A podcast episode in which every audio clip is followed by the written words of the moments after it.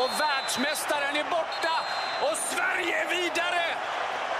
Svenska spelare lägger sig ner, kramar om varandra. Några spelare springer fram till varandra och kramar om varandra.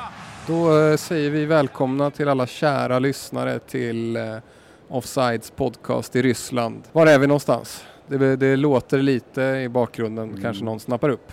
Ja, det kommer nog snart höra Final Call. Vi är nämligen på en flygplats i Moskva, Domodedovo och eh, ska snart lyfta hem till Sverige. Vad är klockan? Jag frågar av uppriktig nyfikenhet för jag har fan ingen aning. Klockan är tre på natten. Vi får sitta snällt här i hörnet av Domodedovo in tills eh, vår incheckning öppnar. Den öppnar klockan fyra och sen så lyfter vi klockan sju då på morgonen till Sverige. Och det är alltså torsdag vi jobbar med. Torsdag morgon. Och var i. VM-schemat befinner vi oss då, då? Var det någon match igår? Det kan man säga att det var Johan. Men den absolut senaste matchen eh, var ju den som jag var på. Det var Brasilien-Serbien där Brasilien vann. Och där då Schweiz spelade samtidigt. Precis. Blev det kryss mot Costa Rica där då? Jag tror det. Jag har inte ens hunnit kolla. Det har varit stressiga timmar för mig. Ja, och eh, härnäst i VM-schemat eh, är väl Englands grupp. Eh, England, Belgien och eh, även Colombia, Japan. Grupp. Mm. Hur mår vi? Ja, vi mår ju jättebra ju. Vi är lyckliga, saliga, berörda, oerhört trötta. Men eh, väldigt glada. Ja, så känns det. Mm. Vi träffar ju varandra nu för första gången på ett dygn. Vi strålade samman här på Domodedovo. Eh, du är från eh, Moskva och jag från Jekaterinburg då. Mm. Eh, kom direkt ifrån. Man har inte riktigt koll på klockan. Mm. Jag, jag känner också att man har lite som ett naturligt rus i kroppen. Mm. Ingen promille och inga droger men man har fått en del hjälp mot tröttheten som Mm. gör att man är glad ändå. Så jag mår också bra. Mm. Härligt att höra. Har vi sett några fler Fifa Legends då? Vad, vad kunde du skramla ihop på Spartak Stadium? Eh, jag kunde skramla ihop eh, Ronaldo. Ja, det är väl en bra ihopskramling. Den slår man inte så lätt. Även om Kenneth Andersson och eh, vem var det? Campus.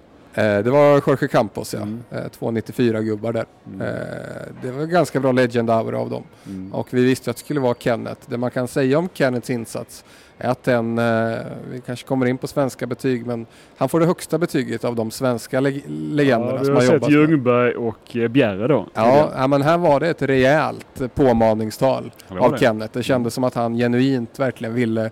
Eh, han kände också av att hela stadion var grön och f- 90 procent nästan kanske full av mexare Mm. och vände sig verkligen till de gula tröjor som fanns där. Eh, han var genuin i det. Mm. Eh, så bra jobbat Kenneth.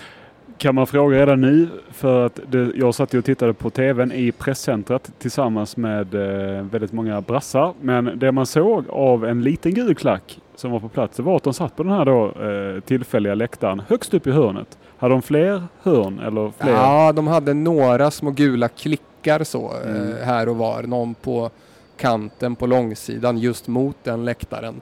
Men de var ju i eh, klar, klar minoritet. Mm. Eh, det var inte ens så att de hade hela den där kortsidan, absolut Nej, inte. nej. Lång, långt därifrån. Nej, det var en liten, en åttondel av den. Ja, och det, det märkte man även nu när jag hastade iväg från eh, arenan och till flygplatsen i Ekaterinburg för att hinna med mitt eh, nattflyg till Moskva då, där vi sitter nu.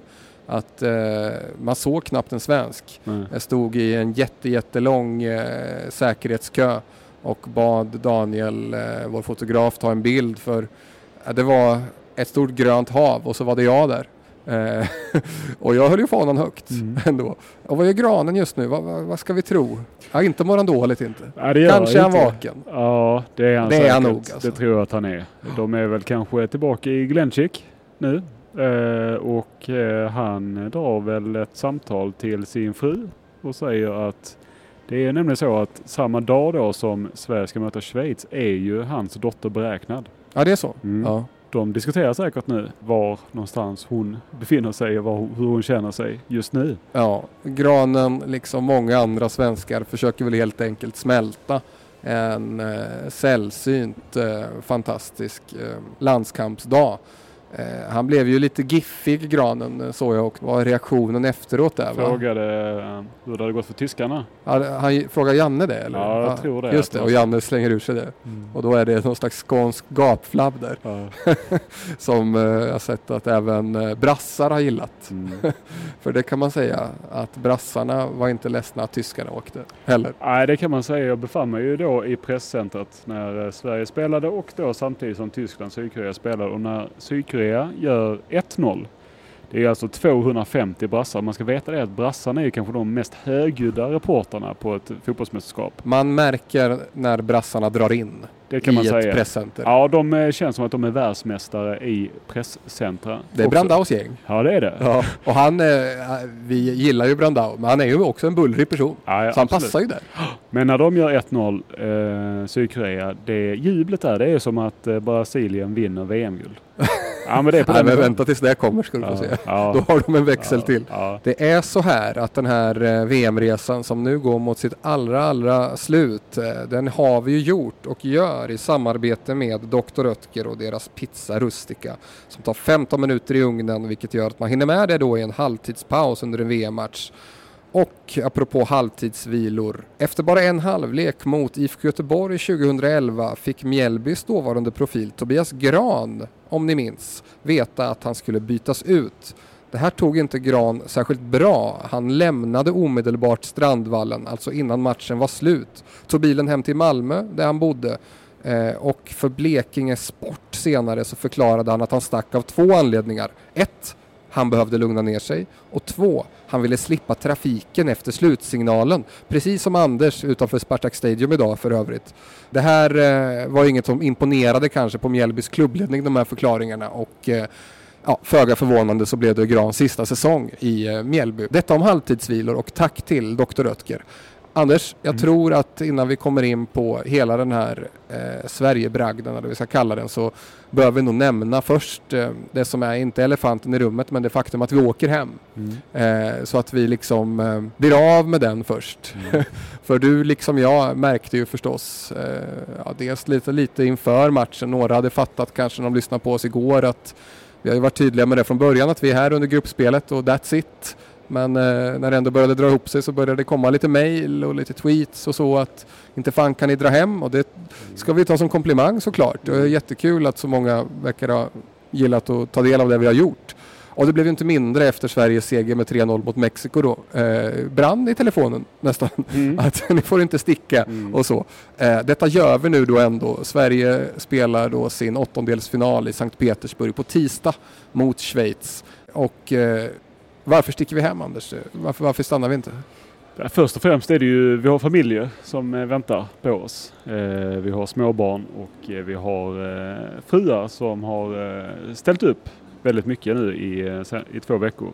Så att det är ju den stora anledningen. Men eh, också väldigt stor anledning är ju att vi måste hem och göra en tidning. Ja, det är ju alltså så att eh, det är ju rätt mycket du och jag som, eh, utan att det ska låta för drygt eller så, men som är tidningen. Ja. Den står lite still när vi är borta. Och eh, det är alltjämt vårt moderskepp och vi har ett nummer att göra och ligger rätt mycket efter med det. Och eh, skulle helt enkelt knappast hinna färdigställa ett sådant nummer. Men vi får väl se eh, vad som kan hända i VM-väg i det numret ändå. Men eh, så här blir det nu och jag funderade direkt efter, för det är klart att känslan man får är såklart att man direkt bara vill dra ut en tweet att till alla som vill att man ska köra på. Att ja, för Vi är fan, klara. så blir det. Vi kör på, vi trummar på. Ja. Eh, men ni får helt enkelt tro oss när vi säger att eh, våra skäl är goda till att dra hem nu. Och sen tänkte jag, precis som du säkert, ska vi köra, fortsätta köra hemifrån? Vi kör ändå VM-podd varje dag. Eh, Det, det, liksom, det blir ju naturligt att man känner så. Mm. Eh, men jag tror faktiskt inte vi ska göra det heller. Vi kör ju vidare med Offsides podcast såklart. Men det här har varit just för mig en grej som ska pågå när vi är i Ryssland. Mm. Och att det har varit att vi ibland, nu sitter vi och spelar in, vi sitter alltså på ett ganska smutsigt flygplatsgolv. Eh, och det är mitt i natten här och det går städare omkring och eh, det har gjort någonting tycker jag för eh, just den här VM-specialen i poddväg. Att det har varit på olika ställen och att vi har haft med oss, vi har haft Ryssland som fond hela tiden. Mm. Nu blir vi, och vi skulle kunna ha ett och annan utläggning som någon skulle kunna få ut något av. Men då blir det två stycken som gör en VM-podd på hemmaplan och det skulle inte den här podden vara. Nej. Och det tycker jag att vi ska separera från den. Mm. Eh, plus att jag misstänker att eh, vi kanske skulle bli lite sämre också. För nu måste vi, även om man inte riktigt vill tänka på det, jobba stenhårt för att bli klar med vår tidning. Mm. Och så skulle vi då försöka lite alibi, hitta lite tid. Just det, vi har en VM-podd att spela in. Nej, det blir inte samma sak. Nej. Så vi, vi tänker väl som så att, eh, jag vet inte om man kan säga att vi slutar på topp, men vi slutar i alla fall när vi mår väldigt bra. Mm. Och jag tror kanske att vi ska eh, sätta ett värde på det. Ja, och det är ju ändå så då att eh, den här tidningen som vi måste hem och göra som också, det är inte bara en eh, plikt utan det är också ett nöje. Men det är ju också så att det är tidningen som möjliggör att vi kan åka hit för det ska gudarna veta att det inte är billigt för oss att vara här. Vi är en liten, liten redaktion med betydligt eh, mindre resurser än vad de stora eh, mediehusen har. Men i och med då att vi har fått en hel del nya lyssnare de senaste två veckorna och så, så uppmanar vi ju alla att testa oss. Det kostar 39 spänn i månaden.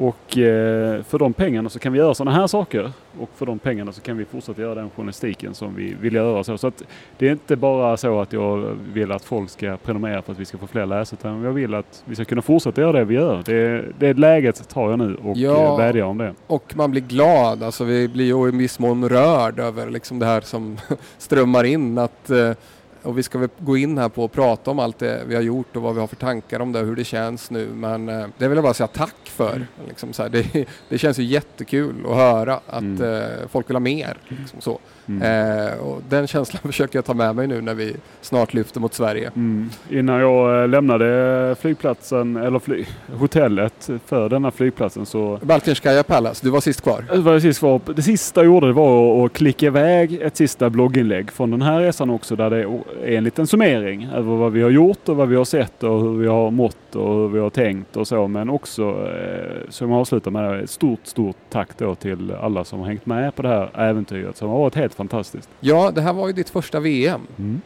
Eh, och eh, jag vet inte, du kan få bestämma här. Eh, ska vi gå på Sverige-match först eller vill du först prata om eh, vad du lämnar med för intryck efter att ha varit här nu i två veckor överhuvudtaget? Så. Låt oss prata om Sverige först. Ska vi börja med Ja, Sverige då? tycker ja. Ja. Du får ju nästan eh, ta det eh, i hamn och så Ja, avbryter jag dig lite. ja, det får du göra för jag är ändå nyfiken på hur du upplever det från distans för det kan ändå skilja sig lite och du satt och följde det tillsammans med och försökte fightas mot den här brassarmén då. Mm, det är många som har undrat hur bitter är på att jag inte åkte. Jag kan säga att jag inte- inte är en procent ens. Jag känner mig jättenöjd med det som jag gjorde för jag hade en fantastisk känsla när jag satt och tittade på matchen. Jag satt bredvid eh, Fredrik Lindstrand och eh, Marcus Vulkan. Vi tre eh, satt där och tittade och eh, det var gott nog. Ja, Och brassarna där och det skapade en viss kuliss och känslan där och folk kom fram till oss lite grann och gratulerade. Och de, det var en brasse som hade stenkoll på det här med varningarna. Om det skulle bli så att Sverige var med 1-0 Tyskland var med 1-0 så skulle det vara så här Fifa for play då. Som skulle avgöra. Han kom fram hela tiden och uppdaterade oss och sådär. Men eh, jag ångrar inte det en sekund. Det var bra för mina nerver. Jag var nervös som det var eh, för att se Sverige. Och jag fick se Brasilien ja det var ju Serbien. det var det var ett potentiellt eh, mycket viktigt scoutinguppdrag du hade också. Mm. Nu Nu det ju Schweiz. Ja visst, när vi möter Brasilien i semin eller vad det kan bli. Så Finalen. Då klev jag in med tyngd. Ja, det är bra. Roger Sandberg för övrigt, eh, scouten då som hoppade in när Tern hoppade av här. Han, eh, Som alltså scoutade Tyskland va? ja, han åkte till Spartak i illfart efter att det blev klart då att vi eventuellt skulle möta Brasilien, eventuellt Serbien. Nu blev det inte något av det. Så han var på fel plats. Men han var också på plats. Samtliga scouter, alltså Lasse Jakobsson, Sydkorea, Roger Sandberg, Tyskland och då Tom Prahl, vår eh, kära gamle poddfavorit får vi ändå säga, Mm. eh, Mexiko, kan ju sträcka på sig. Så är det. Men Eh, jag är väldigt glad att du och Daniel var där. Och så att, Ja, för, ja, för jag, alltså, jag, jag skulle kunna känna mig som en idiot med tanke på utvecklingen och Sveriges match med tanke på att du var den som höll den optimistiska flaggan högt medan jag var lite tvärtom och hypade upp detta Mexiko till eh, någonting större än vad de kanske var. Eh, de är ju trots allt klara för åttondelsfinal men Mm. eh, vi såg ju matchen inte de var ju ganska bleka. Eh, men jag känner mig inte som en idiot. Eller gör jag det så känns det i alla fall väldigt bra. Eh, för jag är ganska lycklig och eh, om du var nöjd eh, med din så är jag minst lika nöjd. Med lite skräckresa med två torskade nätter. Det gör mig ingenting. Jag är jätteglad att jag fick vara med om den där matchen. Du var inte den enda som var positiv inför. Jag satt och laddade upp inför avspark med gammalt Expressen-gäng och så satt jag kvar med Anna Friberg eh, som har lite, den där som har lite kontakt med Svennis mm. efter att jag tror hon gjorde ett stort reportage om honom för något år sedan eller så från mm. Värmland. Eh, det var ju då som hon hade gjort stora ansträngningar för att hälsa på honom i Kina när han var tränare där ordnat visum och resa, krångligt och allting och så ringde Svennis där. Du, det får nog bli att vi träffas i Sunne istället. Ja. Jag har fått sparken. Minns du vad han bjöd på för mat när då Anna var där? Nej, det kommer jag inte ihåg. Det var antingen så var det Findus köttbullar eller så var det Findus pyttipanna. Ja, Okej, okay. ja. Gourmanden och gourm Svennis tinar upp lite Findus köttbullar. Gourmet-Svennis, det är ju mm. min stil ju. Mm. Det tyckte jag var roligt häromdagen när du frågade, du är då väldigt utled på att äta Hasse Hultmans pressmat. Mm. Vad längtar du mest efter att äta när du kommer hem? Och jag säger att jag äter inte så mycket bättre hemma. Nej, det var bland det sorgligaste jag hört. ja, färsk potatis, du försökte så här. Något gott grillat, så här. ja kanske det ja, hon hade ringt Svennis i alla fall eh, i egenskap av dels eh, Sverigeprofil men eftersom han har tränat Mexiko. Frågade vad han hade för känsla. Och han var positiv, han trodde på svensk vinst. Och sen eh, frågade hon också vad han gjorde annars. Ah, jag har varit på eh, fotboll, Torsby mot Årgäng här. Mm. Eh, så hur går det med jobb då?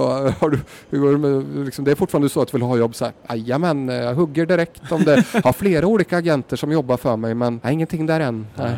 Nej, nej, så eh, Svennis vill fortfarande vara med i matchen och han liksom du fick rätt då. Sverige vinner med 3-0. Och eh, jag skrev ju då som vanligt en blixtkrönika och den läser man ju alltid igenom lite senare sen med eh, lite med fingrarna framför ögonen och lite kisande, rädd att man ja, dels att det ska vara massa korrfel men att man kanske har tagit i för mycket, missat uppenbara grejer.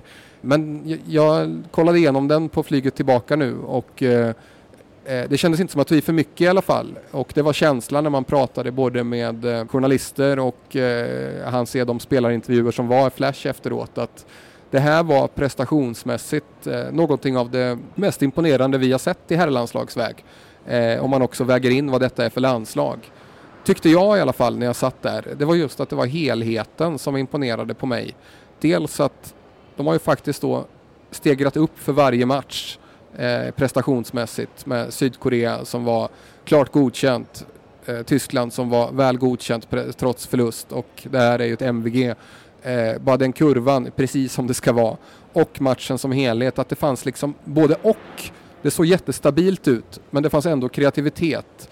Det fanns ett lugn och en fokusering men det fanns ändå ett mod. Och att man gör den där första halvleken som man gör och inte får med sig någonting och sen ändå bara går ut och kör på i andra. Mm. För där tänkte ändå jag sådär att kom inte utdelningen här. De tog ju tag i det direkt verkligen. De kom ingenstans. Mexiko och Sverige radade upp chanser.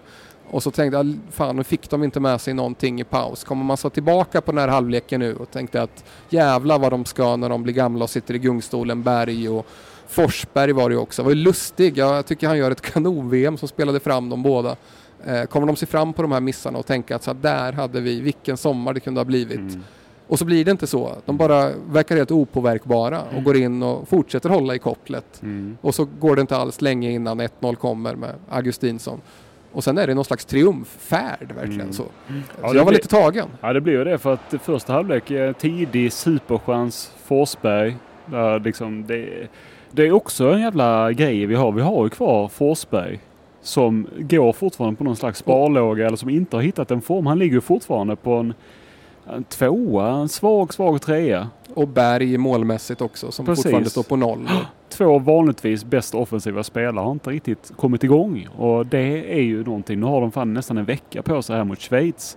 Det känns också lovande. Jag, vet, jag gick in här då mot Mexiko och var positiv. Jag är superpositiv mot Schweiz alltså. Ja, nu är det alltså så att eh, Sebastian Larsson missade matchen mot Schweiz. Mm. Eh, han gick ut och hade han tappade synen lite på ena ögat men framförallt oavsett han står ändå där och verkade vara rätt okej okay efteråt. Men eh, han är avstängd då. Mm. Men det är det två schweizare som är, både Skär och Lichsteiner. Vilket bör vara ja, två avbräck mer än ett. Mm. men var du på avstånd när du såg den här matchen på TV Eh, för det är alltid svårt att veta hur mycket man rycks med. När man sitter där på plats ändå känslan, nu är man med om någonting som är lite speciellt och då Mm. kanske man, det färgar ens känslor lite.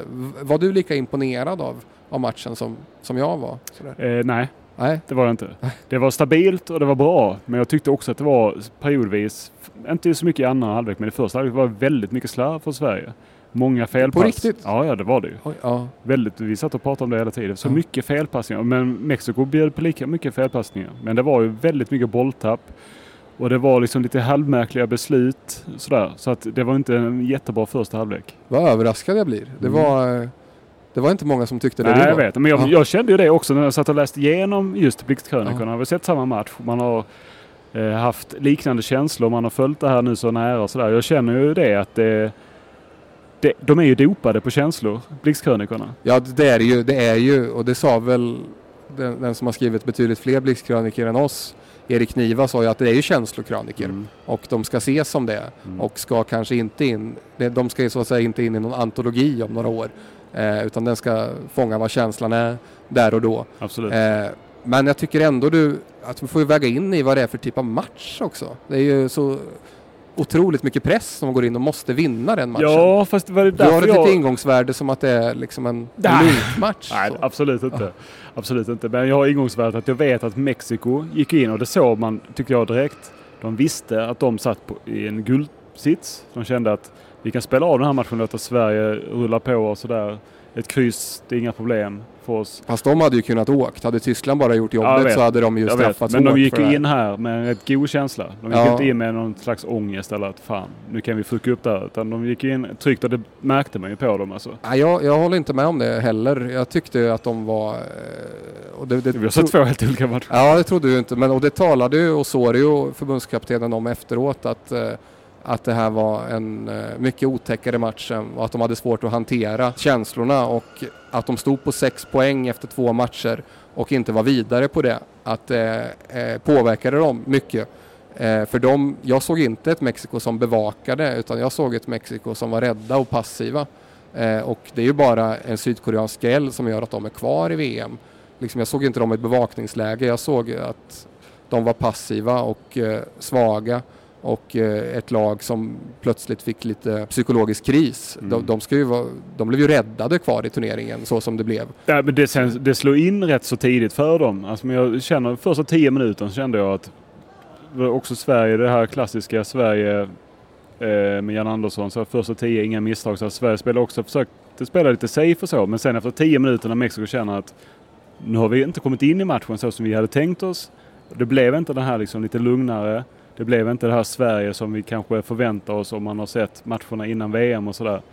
Då drabbas ju de av någon slags lamslagning och blir Mm. väldigt passiva och blir ängsliga. Så. Sen så ligger det i resten av Men Sverige trummade ju på från ett. Det var ju det var en mexikansk varning efter 15 sekunder och rätt farligt på frisparken som följde. Efter fem minuter har Foppa sin frispark Mm. och det är väl 10 minuter när eh, han har helt fritt läge framför mål och sen har Berg sitt läge. Det var ju lite mer än bara att Sverige spelade enkelt. De skapade ju chanser från start. Det gjorde de ju ändå. Mm. Även om det kanske var fel Ja, pass jag med det. Vi har två olika känslor. det är väl kul att vi kan vara oeniga. Nu blir vi filmade här av eh, vår... Det kan ju vara kul för folk att veta och så att man inte glömmer bort hans insats. Daniel Nilsson, fotograf och filmare som har... Eh, utan honom hade vi inte kunnat göra alla de här tvåddarna till exempel. Nej, gud nej. Vilka tyckte du imponerade trots allt då? Vilka, vilka växer i, i dina ögon spelarmässigt? Egentligen alla rakt igenom. Jag fick sitta med lite grann på ett hörn när andra svenska journalister skulle eh, sätta matchbetyg och så. Jag sa att det går inte att ge någon ett lägre betyg än en trea. Det går inte. De var inne på tvåa på någon där utan att nämna några namn och så. Men eh, det slutade med lite fyra och lite femmor. Det tyckte jag var helt rättvist. Det är ju ändå så. Den typen av match med den, det som finns att förlora och det som finns att vinna och vinna med 3-0 i en sån här avgörande match. Men jag tycker väl att Albin och Lustig, Claesson, Granen och Viktor, ja alla. Det, det går ju inte Vi kan liksom. rabbla upp dem. Ja. Ja, jag tycker inte att det går att säga att det var en spelare som var över. Alltså Granen när han sätter liksom straffen, den pressen och han gör vissa, ja, ja han ligger ju som ett streck lite grann. Det var lite vibbar av eh, av sådär Italien så. Precis när de gjort 1-0 hade de några lägen där han eh, slänger sig och bryter och han gör det ett par gånger. Han dribblar bort några gubbar och startar ett eget uppspel och så. Så ja, Granen är väl min man of the match ändå. Ja, jag blir väldigt imponerad av Lindelöf med tanke på den start han får på turneringen Som också. också med i Players Tribune nu om vi ska göra en liten eh, tillbakablick. Jaha, Ja, okej. en eh, lång text. Jaha, så men han är en sån då? Han, Den släpptes eh, tidigt i morse. Han skippar eh, mixen och så. Men, han är tillbaka där. i mixen imorgon tror jag. Okej. Glenchick. Ja, det är också, så. Han är tillbaka där nu. Ja, ja, men det finns ju ändå... Han behöver ju inte stå till svars Nej, när han kommer till mixen imorgon om man säger så. Nej. Ja, men just eftersom han missar första, det är hans första mästerskap och sen Mm. går in och det är nästan två fläckfria insatser i rad. Mm. Eh, men jag håller med, vi skulle kunna gå igenom varenda en. Vi kan väl bara enas om att eh, alla mår ganska bra. Och eh, du tror att vi tar Schweiz också? Mm. Ja. Jag känner mig väldigt trygg i det faktiskt. Ja. Ja, men jag, jag känner det att nu har också Sverige lite grann Men du, löst upp en knut som har funnits, alltså det offensiva. Det är ändå så att idag så gjorde Sverige lika många mål som Sverige har gjort på de senaste sex matcherna. Faktiskt. Och det betyder också någonting. Det är lite olika målskyttar och vi har fortfarande kvar det här med Forsberg och Berg. Jag känner att Schweiz, fan de vann. Jag tror att, vad hade de i sin kvalgrupp? De nio av tio matcher utan en förlust. Eh, Ja, det var väl väldigt hårt för dem att behöva gå till ett playoff eh, och inte vara klara direkt med Ja. tanke på att de nästan hade gått rent. Eh, men sen var de ju, gav de inte motståndaren en chans där Nej. ändå, så de gav ett väldigt stabilt intryck i kvalet. Och obesegrade i en tuff grupp på förhand med Brasilien och Serbien och så. Så att eh, det är ju inte lätt. Men jag känner ändå att eh, spela för spelare sådär så visst de har ett par stycken namn som sticker ut på ett sätt som kanske inte Sverige har men vi har ju, ett, vi har ju liksom det bästa laget i hela VMet.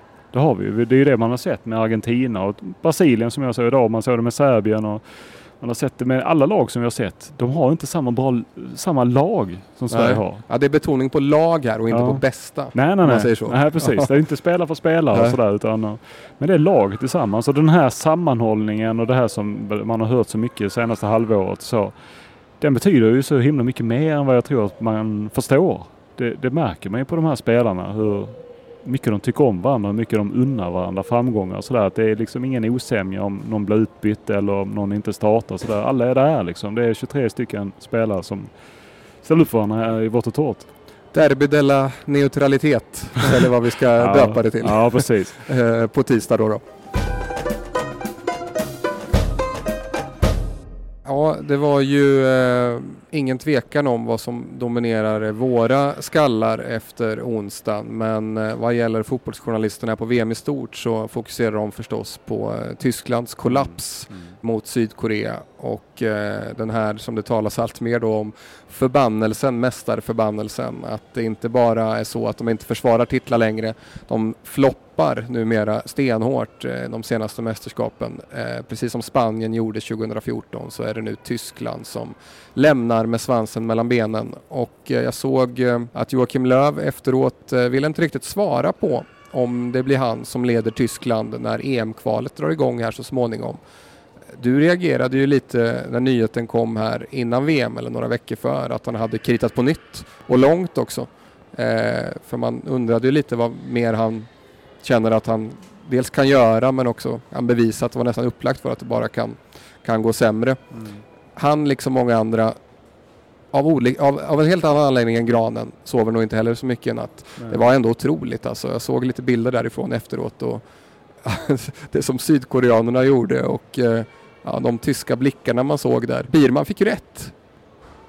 Kristoff Birman, vår vän på Ja, när som vi har sa- pratat om här. Ja. Vad sa han efter en enda match? Ja, det, då kändes som att han var galen. Att det var någon slags sådär falsk ödmjukhet som han skulle uppvisa för att han träffade oss. I don't think we will make it. It's a team falling apart. It's Eh, a crisis. Ja, ja, för han har ju, för jag störde mig på honom för att eh, han vill dels alltid ha sista ordet men han köper aldrig något av det man själv säger. Jag försökte stå och småsnacka med honom lite nere i Sochi efter Sverige-Tyskland och matchen där nere och holmgången och eh, om Rydiger, mittbacken som kastades in istället för Hummels försökte jag säga att eh, Rydiger looked very nervous. No, no, the problem is he is not a good football player. Så jag bara, okej, okej, maybe he's not a good football player but he, he was also very nervous. No, I don't think so. He, he's not a good football player. He's a good athlete. Fits very well in the English game but he's not a good football player. Men eh, han har väl rätt då, då kanske. För han Ja. hade i alla fall rätt i den här spaningen. Ja. Och vi tänkte han drar för stora växlar. Han hade läst någon artikel i Süddeutsche Zeitung om Xabi Alonso som hade pratat om hur känslan var i Spanien när de eh, gick igenom Brasilien-VM och eh, floppade där och sa att eh, känner igen så mycket här, så här kommer det gå för Tyskland med. Och vi sa ja, vi får väl se, det, nivåskillnaden är för stor. Men, men han kan sträcka på sig Ja, idag. men sättet som Tyskland åker ut på är sensationellt. Alltså. Det är ändå så att nu vi- vinner Sydkorea med 2-0. Tyskland har inte ett, ens ett mål mot Sydkorea vi har ju liksom, fan, vi har ju mött dem. Vi har sett Mexiko möta dem. Vi har ändå sett att de bjuder till mycket defensivt. Sen så idag, alltså Sydkorea hade kunnat, ja, nu har ju, hade ju Tyskland också kunnat göra några mål. De hade sina chanser. Hummels hade ju tre supernick-lägen som han bränner. Men Sydkorea hade ju säkert fem chanser till. Alltså när de kontrar givetvis på slutet när de lyfter upp och de har typ en gubbe kvar där bak. Men det har ju varit samma mönster i varje match. De blir ju sönderkontrade. De har ju inget mittfält som stannar kvar. De har inte någonting där. Och det är ju... Jag har så svårt för det här då med förlängningen med Jogi Löw och känna att går det motivera att han ska stanna kvar när det är så uppenbart att det är en, verkligen en... Jag är helt säker på att detta är ett tränar eh, misslyckande mer än att det är individuella spelare som inte har kammat sig. Ja, eh, det uppstår ju en stor osäkerhet i alla fall och sen eh, har det ju varit några av de här som man alltid har litat på länge som eh, han också har valt att ställa åt sidan och man, han har ju letat hela tiden. Han har fått mycket kritik såg jag i, eh, i tysk media och framförallt nu efter den här matchen att han har varit, alltså jag har ju tyckt att det har varit fantastiskt att se Joakim Löws Tyskland under ja, vad det nu kan vara sen eh, 06, 08, eh, ja, Sydafrika kanske egentligen och framåt. Det är något av den liksom bästa landslagsfotbollen jag har sett när de har presterat på max. Liksom. Eh, och det har varit väldigt underhållande också. Men att vissa menar att han blivit lite besatt av det här att det ska vara vi som för och trummar på och start så att balansen har blivit helt skev. Liksom. Ja. Och att i första matchen så var Kedira där ensam och försökte hå- hålla ihop Mm. ett mittfält mot mexikanska kontringar. Och sen har man ju sett hela tiden då att han, han har ju letat efter någonting som han aldrig har hittat. Eh, för man skulle ju kunna tänka då matchbilden mot Sverige där de ju inte gör en bra match. Eh, Det går inte att säga att de inte är värda att vinna för de har ju chanser men med matchens sista spark så i ett väldigt utsatt läge så får de den här vinsten. Där skulle man kunna tänka sig bara den energin och nu har de gått igenom en kris, de klarade den, Mm. nu lyfter de.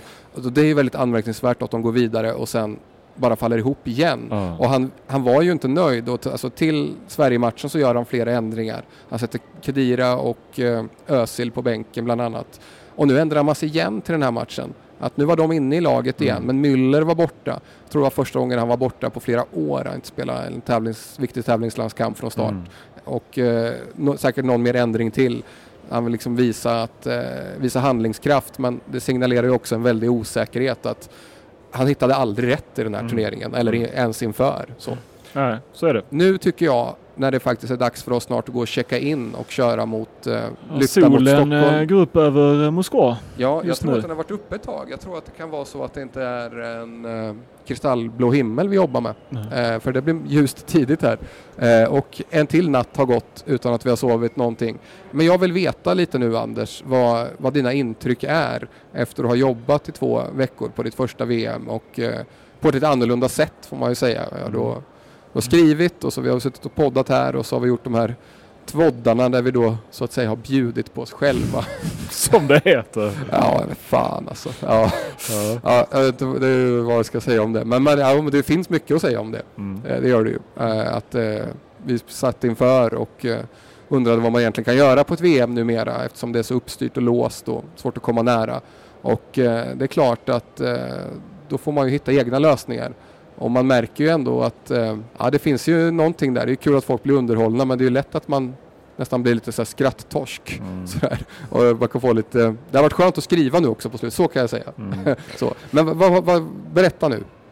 Ja, eh, jag tycker ju att fortfarande Eh, Eh, det mäktigaste jag var med om, det var ändå den första VM-matchen i mitt liv. Det var Mexiko-Tyskland eh, och det var för att det var på Luzhniki-stadion. Det var givetvis för att det var min första VM-match eh, i livet och det var mexikanska fansen som bidrog till det och det trycket som det var när de gör 1-0. Ja, det var, man säger att man får gåshud, men jag fick ju det. Det var liksom verkligen, det rörde sig hela kroppen och kändes att wow, fan vad häftigt att få vara med om det här.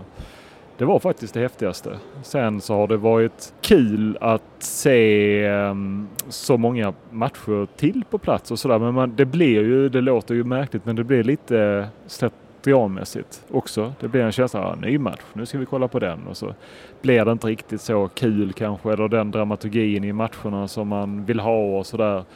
Sen så har vi då Sveriges matcher i sig och den nervositeten som jag har känt när Sverige har spelat. Men jag har ju själv berättat att den blockade mig fullkomligt efter Tysklandsmatchen när jag skulle skriva en blixtkrönika. Det gick inte. För att jag var så tagen och så, ja, jag var helt slut på krafter helt enkelt.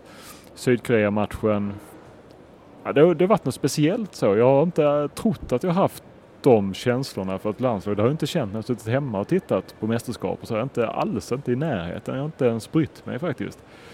Men det är någonting. Under kvalet kom det ju krypande. Ja absolut, det gjorde ju.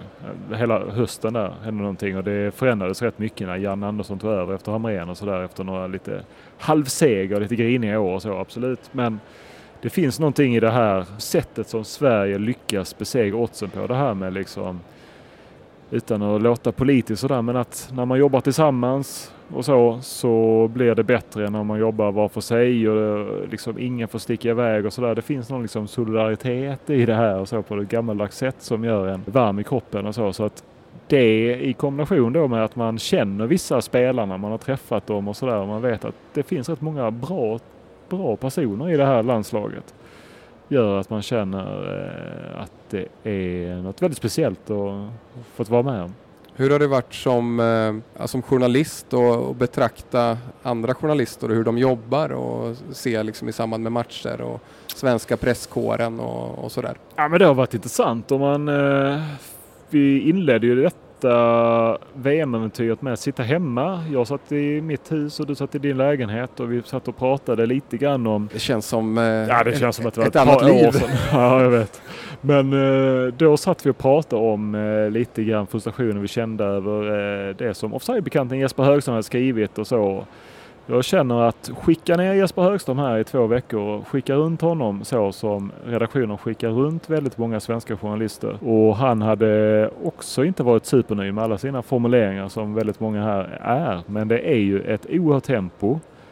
Framförallt så är det ju det, det som är utanför arenorna som är det slitiga när man ska ta sig till arenorna. Man måste vara där en jävla massa timmar innan och det är svettigt och det är bökigt och det är säkerhetskontroller till höger och vänster och det är jobbiga ryssar ibland och det är snälla ryssar ibland. Ska vi ändå säga att ryssarna och Ryssland som eh, mästerskapsland bör man väl lägga till för eh, det ska man väl ha med sig att eh, de är måna om att visa upp sig från sin bästa sida. Men att eh, folk vi har träffat och så att där har väl känslan bara växt och blivit mer positiv ju mm. längre in vi har kommit nästan. Absolut. Jag eh, kände ju direkt att jag ändå gillade ryska folket. Och det som jag vet det har varit en fördel med att vi har gjort en budgetresa. Vi har inte bott på ställen mitt i städer utan vi har bott i utkanter, vi har bott på vischan för att det har varit det som vi har haft råd med mycket.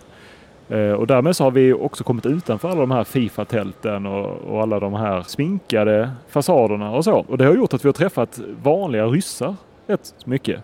Och tidigt så känner man att de är ju buttra, de, är liksom, de ler ju inte gärna i onödan och sådär. De försöker sig inte göra förstådda även om man inte kan prata engelska och sådär. Men jag kände, det gillar jag direkt liksom. Jag gillar ju inte tillgjorda människor. Nej, du gillar ju rakheten. Jag gillar rakheten och det kände, detta gillar jag på något sätt alltså. och sen så med tiden så har man liksom lärt sig lite grann hur man ska kommunicera med dem. Vi har varit inne på det lite grann och sådär. Det gör ingenting om man blir arg på dem. De uppskattar bara det om man är rak tillbaka. Så att jag måste säga det att det är, jag är positivt överraskad av eh, både det Ryssland som vi har sett eh, och då menar jag inte bara liksom människorna utan också vyerna och byggnader och så. Det är ett jävla spännande land faktiskt. Har det varit som du trodde och hela det här runtkuskandet och jag menar vi har väl med, nu var vi från varandra ett dygn här annars så har det inte varit många minuter utan att vi har varit i varandras sällskap Mm. så tror ju folk kanske att det är mycket för oss hemma eftersom de hör oss när vi sitter och poddar men eh, det är ganska långt ifrån från vardagen hemma. Eh, har allt det där runt omkring och vi har suttit i hyrbilar och sena nätter och delat sunkiga hotellrum och sådär. Eh, var det som du trodde och känns det som att det har varit kul? Ja absolut, det tycker jag verkligen har varit eh, en av höjdpunkterna sådär att vi har haft det väldigt kul tillsammans. Ja det får man Vi säga. har sovit i små, eh, små, men smala sängar bredvid varandra och vi har Ja, det var i Sochi det var lite lyxigt. Ja, precis. Men Mm. eh, liksom, vi har varit, eh, det har varit kul hela tiden. Vi har haft liksom, små personliga stickspår hela tiden. Och, ja, det känns som att eh, det har flyttat på. Det har inte skitit sig för oss riktigt sådär. Vi har varit ute och snurrat eh, en hel del. Några timmar har försvunnit här och där och så. Men det har inte skitit sig heller. Vi har liksom ändå, ja, vi har fått ihop det. Vi behövde aldrig ens, det sket sig inte så tillvida att vi behövde lägga ut vår reservpodd. Vi spelade faktiskt in en sån innan vi drog för vi tänkte att någon gång så kommer det bara gå så illa och någon katastrofdag där det strular med teknik eller annat så vi inte kommer få iväg någon podd. Mm. Och då är det bra att ha en förinspelad. Så vi, eh, vad ska vi göra med den? Jag är ju glad om den försvinner för vi gjorde ju en eh, VM-special På spåret. Ja, just det. Eh, eller i spelarbussen där vi åkte till olika VM-länder då. Ja. Eh, Den är inte skitrolig att lyssna på. Nej, jag tror inte det. Så eh, kan jag liksom säga för lyssnarna att Anders piskade mig igen där. Och så behöver den kanske aldrig nå folk.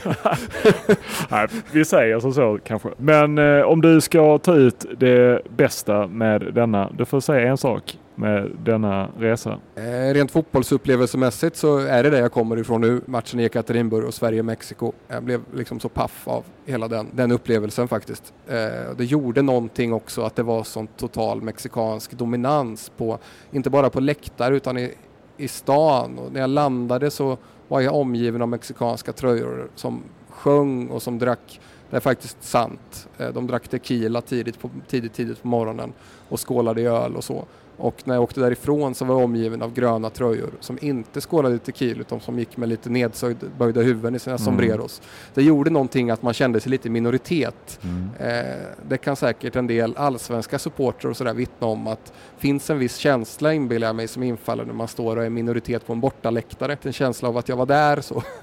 Eh, så den är det rent fotbollsmässigt. Vad gäller eh, allt utanför och med oss och sådär så tycker jag i efterhand att även om det var lite jobbigt i stunden att det var spännande i början när vi gav oss ut med bil och inte riktigt visste vad som väntade eh, bort mot Nizjnij Novgorod och eh, där vi då inte stannade kvar och bodde där utan körde bil rakt igenom natten. Om man är eh, någonstans långt ifrån närmsta stad i Ryssland, om man är långt hemifrån, om man sitter där och eh, sjunger låtar tillsammans och Mm. Eh, försöker liksom ja, ta in det man är Mm. med om. Eh, det är ju sånt som inte når liksom texter eller som man kan formulera så bra i en podcast men Mm. som bara är en allmän känsla som man alltid kommer bära med sig Mm. tror jag sådär och som vi kommer dela vi tre, du och jag och Daniel. Mm. Eh, om man är sur på varandra ibland och det blir lite dålig stämning ibland, det var det ju då och då liksom Mm. sådär såklart. Men att det i efterhand kommer vara någonting som man värdesätter väldigt Mm. mycket och som gör att man kommer lite närmare varandra. Mm. Tror jag. Eh, Absolut så. så. Så den delen som var lite mer rough så. Mm. Eh, och hela den här Balkenskaja grejen och Mm. att det gjorde någonting för om man talar om gruppdynamik sådär så tror jag faktiskt på riktigt ändå att det är lite kämpigt ibland och det var kanske liksom på ett sätt som jag inte upplever. Jag har ju varit på mästerskap tidigare och då är det någon som sköter ens bokningar och man får en adress till ett hotell och det hotellet är alltid ganska bra och sen berättar någon imorgon flyger du dit ungefär. Att eh, här behöver ta ansvar mycket mer. Att det gjorde också något med vår gruppdynamik. Att det kan också låta fånigt men det gör också att man svetsar samman lite. Mm. Och även om det kan vara lite trist i stunden när man är i Moskva och inte har någonstans att bo. Eh, så gör det liksom att man tar sig igenom sånt tillsammans. Mm. Precis som landslaget får ta sig igenom små kriser och sådär. Mm. Eh, så tror jag också att det adderar någonting. Mm. Så, ja, jag har haft superkul. Mm. Och också har märkt särskilt, var jag osäker i början sådär, är det några som lyssnar på oss? Vi kommer ut varje dag, liksom, det är svårt att hinna med och de här tvåddarna är något vi aldrig har gjort innan med rörligt och man är rookie där och ibland så blir det lite överdrivet, man går för mycket på någon grej och man jagar skratt lite för mycket. Men ju mer tiden har gått desto mer respons har vi fått och det har man ju känt att man har liksom växt av och blivit piggare av. Att Mm. man känner både i och faktiskt även i textväg så att folk har noterat det vi har gjort. Och Mm. det visste vi ju faktiskt inte. Det här var ju ett experiment från början att Offside åker inte till mästerskap för att gå runt och klura och sen komma hem och skriva det gigantiska reportaget en månad senare utan köra varje dag och det var helt nytt för oss. Och vi har inte levererat tipptopp varje dag men vi har gjort det varje dag och att mm. vi har mm. tagit igenom det. Jag är jätteglad att vi gjorde det liksom. Mm. Så. Ja och eh, som vi inledde här eh, än en gång eh, utan att eh, ha lyssnare eller tittare eller läsare så hade det varit helt omöjligt att göra det här. Så att eh, det är många som tackar oss för att vi har eh, gjort saker varje dag men eh, det är faktiskt vi som ska tacka er för att ni har hängt med på det här. Och vi har fått så himla många fina mejl och ett mejl som sticker ut bara att nämna kort. Det var från, nu har jag tappat bort namnen så jag ber om ursäkt till er men ni lyssnar garanterat. Ett äldre par där båda skrev att de var över 70. Där de eh, upptäckte oss första gången de lyssnade på en podd. Första gången de liksom visste eh, inte ens vad en tvådd var. Det visste ju knappt vi själva. Men de jag vet inte ens om, det är, om det, det är någonting med tvådd, så jag, jag, tror att det är gammalt. Ja, jag vet. Jag tror inte man ska kalla det det. Det, det var någon som log i mjugg. Ja. Där jag pratade om att vi har en tvådd och jag, just det, tvådd ja. ja. Var det någon som sa. Ja, nej, men de sa det att de hade varit hundraprocentiga. De mejlade och skrev att de har inte missat någonting. Inte en rad, inte en uh, minut av podden, ingenting. Och uh, de skriver som många andra har gjort sådär att vi har verkligen höjt deras VM-upplevelse. Vi har varit liksom en fast punkt hela tiden. De har haft oss, sen så har de sändningarna och så har matcherna och så, så har de haft oss igen och sådär. Det kändes så fint så att de har upptäckt oss och, och vi har kunnat göra dem glada och sådär. Och eh, så ett stort, stort tack till alla som har hängt med på det här och eh, ni som är nya. Vi kör ju onsdagar podden. Nu kommer vi köra två avsnitt till tror jag det. Sen ska vi gå på semester så då blir det en liten paus där på några veckor. Men annars kör vi varje vecka året om. Så är det. Jag vill också tacka jättemycket. Nu öppnar incheckningsdisken till eh, här på Domodedovo flygplats för att checka in mot Stockholm och sedan mot Göteborg i vårt fall. Eh, och där vi ska ta tag i vårt kommande offside-nummer och solen går upp över Moskva. Vi lämnar detta enorma land nu och vi gör det väldigt, väldigt glada trötta men eh, tacksamma framförallt för att ni har varit med hela vägen. Eh, vi hörs igen i detta forum om ett tag hoppas jag och ni når oss om ni vill tjata på oss, klaga på oss eller berömma oss på podcastatoffside.org. Det är vår podcast-mailadress och där finns vi som alltid. En sista liten shoutout här till två personer till. Det är Simon Löving som har klippt så att det har brunnit i eh, hans fingrar poddar varje dag i två veckor. Simon Löving, du är en klippa. Och så har vi Fredrik Tillberg som har suttit hemma på redaktionen i Göteborg och pumpat ut allt det vi har gjort och eh, hållit ett eh, vaket öga på allt annat som händer i Offside-fabriken. Så stort tack till Fredrik Tillberg och Parallellt Simon tror jag med att han har fått till en rätt vass intervju med en allsvensk profil till som nästa kommer i detta nummer som vi ska hem och styra upp. Ja, det är tanken. Och så får vi se vad Sverige tar vägen mot Schweiz och vad det kan ta vägen för i vårt, i, vår, eh, i vårt nästa nummer. Något VM ska vi ha. Ha det bra hörni, hej! Hej!